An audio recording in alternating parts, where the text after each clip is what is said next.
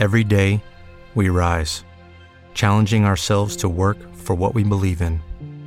At U.S. Border Patrol, protecting our borders is more than a job, it's a calling. Agents answer the call, working together to keep our country and communities safe. If you're ready for a new mission, join U.S. Border Patrol and go beyond. Learn more at cbp.gov/careers.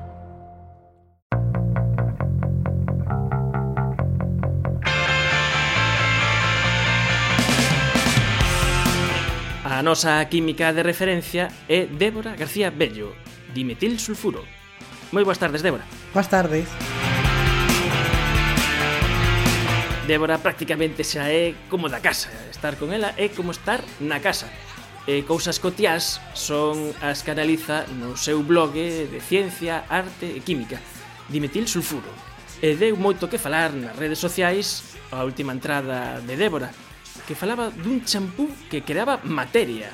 Porque todo isto empezou cun tweet. Sí, en realidad este champú xa ten un tempiño, pero con isto de, dos, dos premios Nobel, pois pues empezaron os chascarrillos típicos de, de cousas de ciencia, entón apareceron uns tweets que se retuitera, se retuitearon eh, milleiros de veces sobre, sobre eso, que como dan un premio Nobel de, de, de química a outras cousas habendo un champú capaz de crear materia. Isto rompe todas as leis da física. De feito, eu cando vin o post, eu que dei eso, dixen, bueno, esta, esta crítica é moi fácil, porque xa se ve un champú que crea materia, eh, mm, crear materia da nada, ou faz reaccións nucleares, ou é imposible. Sí, é que parece, parece un chiste. Pero bueno, en realidade, eh, en publicidade de champús, en realidade, que non que crean materia, porque non estamos acostumbrados a, a oír esa expresión. Pero sí creadores de volumen ou densificadores, iso xa nos sona un pouco máis cercano. Entón, iso sí que o entendemos. Esa, esa quizáis é o que veríamos todos, se vemos eso. E nos quedaríamos aí, pero tío que fixeches é ir máis aló e ver realmente por que din eso para eso hai que saber que é un pelo. Sí, efectivamente. É que un pelo. Vale, pois pues, o, o, o pelo, bueno, en este caso o cabelo, o porque cabelo. claro, o pelo é calquera que salga do corpo, pero o cabelo é o que sae da cabeza. Uh -huh. Entón, eh, a parte máis interesante do cabelo é que en realidad está formado por células iguales iguais que as que temos na, na pel, que son células queratinizadas, é dicir, son células como que morren e vanse disolvendo todos os orgánulos que teñen dentro e van formando en realidade unhas redes de de queratina, que a queratina é unha, unha proteína, eh, esas, esas células en realidade que morreron e quedaron queratinizadas vainse prolongando no que forma o pelo, en diferentes estruturas. De feito, o pelo ten, ten diferentes niveis, ten unha parte central que é o que chamamos médula, con, con células queratinizadas moi pouco unidas, uh -huh. ten unha, unha parte de fora, o que se chama eh, o córtex, e logo unha corteza, que son unhas, unhas plaquiñas de queratina, como se fosen escamas dun peixe, é a parte de fora. Primeiro tens que entender como funciona o pelo, como funciona a estrutura da queratina para, para entender un pouco se podemos influir en que se expanda esa fibra. Cando lía eso que tiñes aí, aí escrito, eu lembraba a Ángel Carracedo que el falaba que, por exemplo, está moi metido eh, no noso imaginario que ti cando eh, cai un pelo que rapidamente pode vir un forense e facerlle o do, o do ADN. Pero realmente, o que contaba Ángel Carracedo, é que o, o ADN que está no núcleo das células, nos pelos, normalmente non está, porque esa queratina invade toda a célula e non teñen núcleo esas células, entonces non lle poden ver o ADN nuclear, entonces dos pelos non se podía quitar información, pero eche que os forenses son moi listos, e había hai outro ADN que temos falado en efervesciencia, que é o ADN mitocondrial, que é o que vendas nosas nais, e ese si sí se pode ver polos pelos. Sí, de feito é máis sinxelo, por exemplo, se encontras un pelo, e tes a parte do folículo piloso, que, que cando arrancas o pelo, a parte que está aí pegada á cabeza, esa boliña, pois pues sí que ten. Esa sí que ten. Aí sí que ten, es que células mismo... vivas. Claro, es que si ti vas ao peluquero e dis cortas pelos, ese non ten non, non. ten ADN nuclear, ese non vale para resolver crimes, bueno, non non de todo. Cosas curiosas. Ademais, outra cosa que me chama a atención que o pelo ten un músculo erector. Sí, o que, o que está en realidade no, eh, no que é na pel, sí que na, na parte subterránea da pel, de feito o pelo empeza a nacer na parte máis subterránea da pel, que é a, a hipodermis.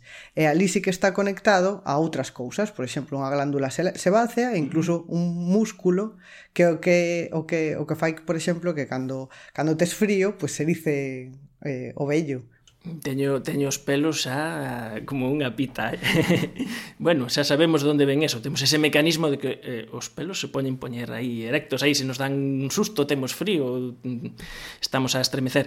Vale, xa sabemos máis do pelo. E, e decías que o pelo, toda esta estructura que, que ao que lle dá firmeza, está é permeable, non?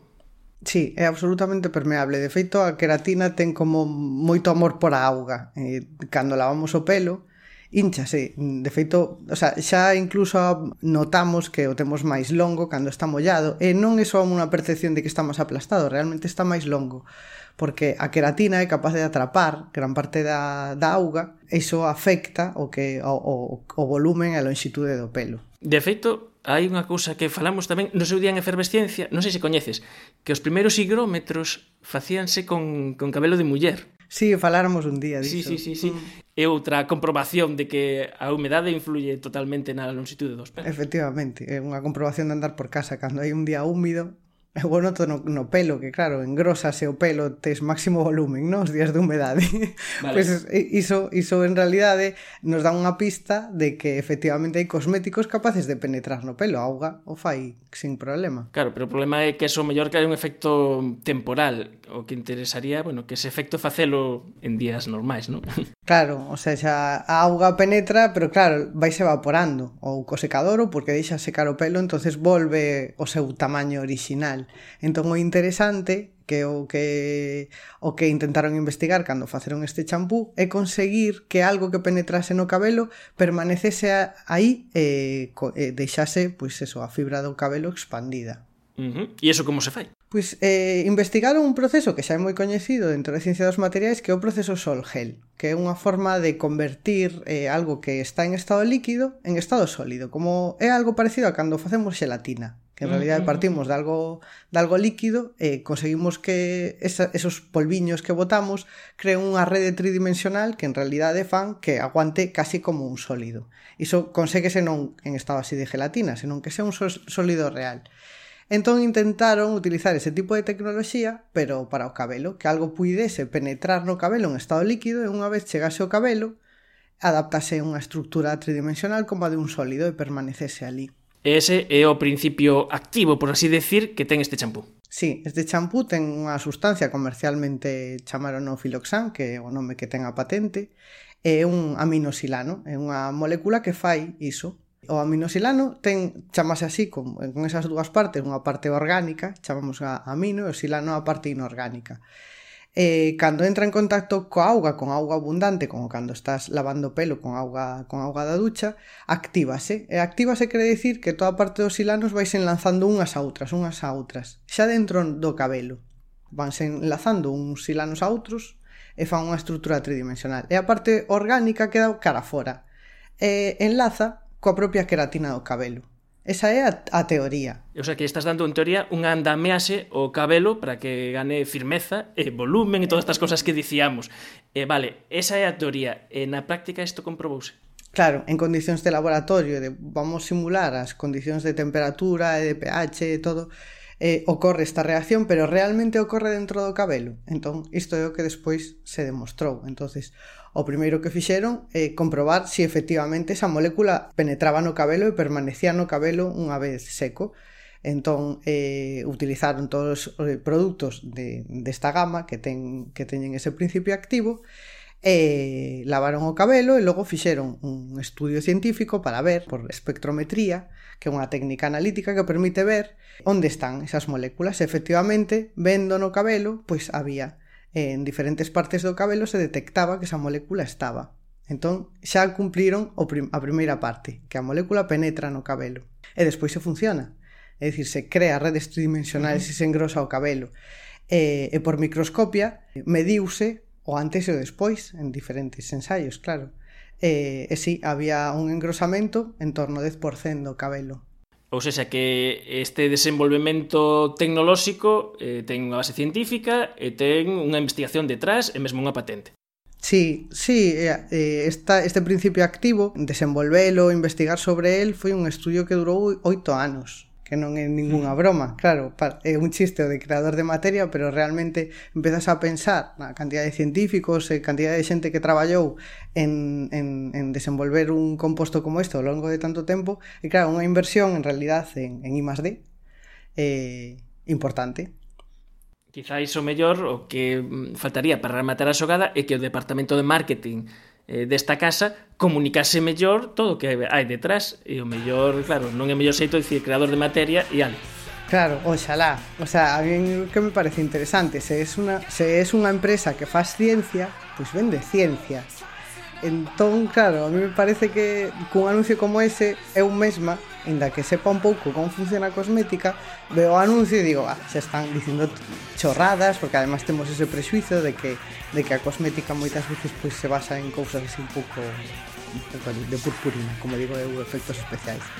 E non, e logo investigas e dis E toda esta ciencia por que non máis contan? A mí me convence máis que me expliquen unha cousa así Non o mellor tan detallada Pero un pouco máis no anuncio Entender, ah, pois pues mira, desenvolveron todo isto É, é, é ciencia, e leva un montón de anos investigando É, é, é algo real E ademais isto, coido que o contaches por primeira vez eh, nunhas jornadas escépticas. Sí, porque foi para un, unhas xornadas, era un curso sobre escepticismo e, e invitaronme para falar de cosmética. Realmente a invitación foi, fala ti que controlas de cosmética e tal, ven, e como somos escépticos vamos a, a darlles propelo aquí a, aos cosméticos. Nunca sí. E, e dixen, pois non, pois somos escépticos. Vou contar o que funciona. E vou por a publicidade, este é un exemplo, puxen publicidade de, de cremas que parecía que tiñan láseres, de un montón de cousas que son que son que chamaban a atención de isto mentira, e logo vas a mirar a ciencia e dis, Ah, mira, pues sí, pues hai cosas que se fan con sentidiño. Moitas grazas, Débora, unha vez máis. Moitas grazas, Manuel.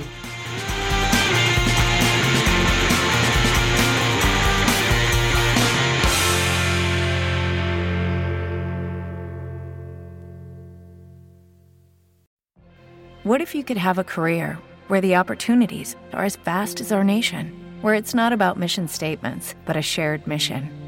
At U.S. Customs and Border Protection, we go beyond to protect more than borders from ship to shore, air to ground, cities to local communities. CBP agents and officers are keeping people safe. Join U.S. Customs and Border Protection and go beyond for something far greater than yourself. Learn more at cbp.gov/careers.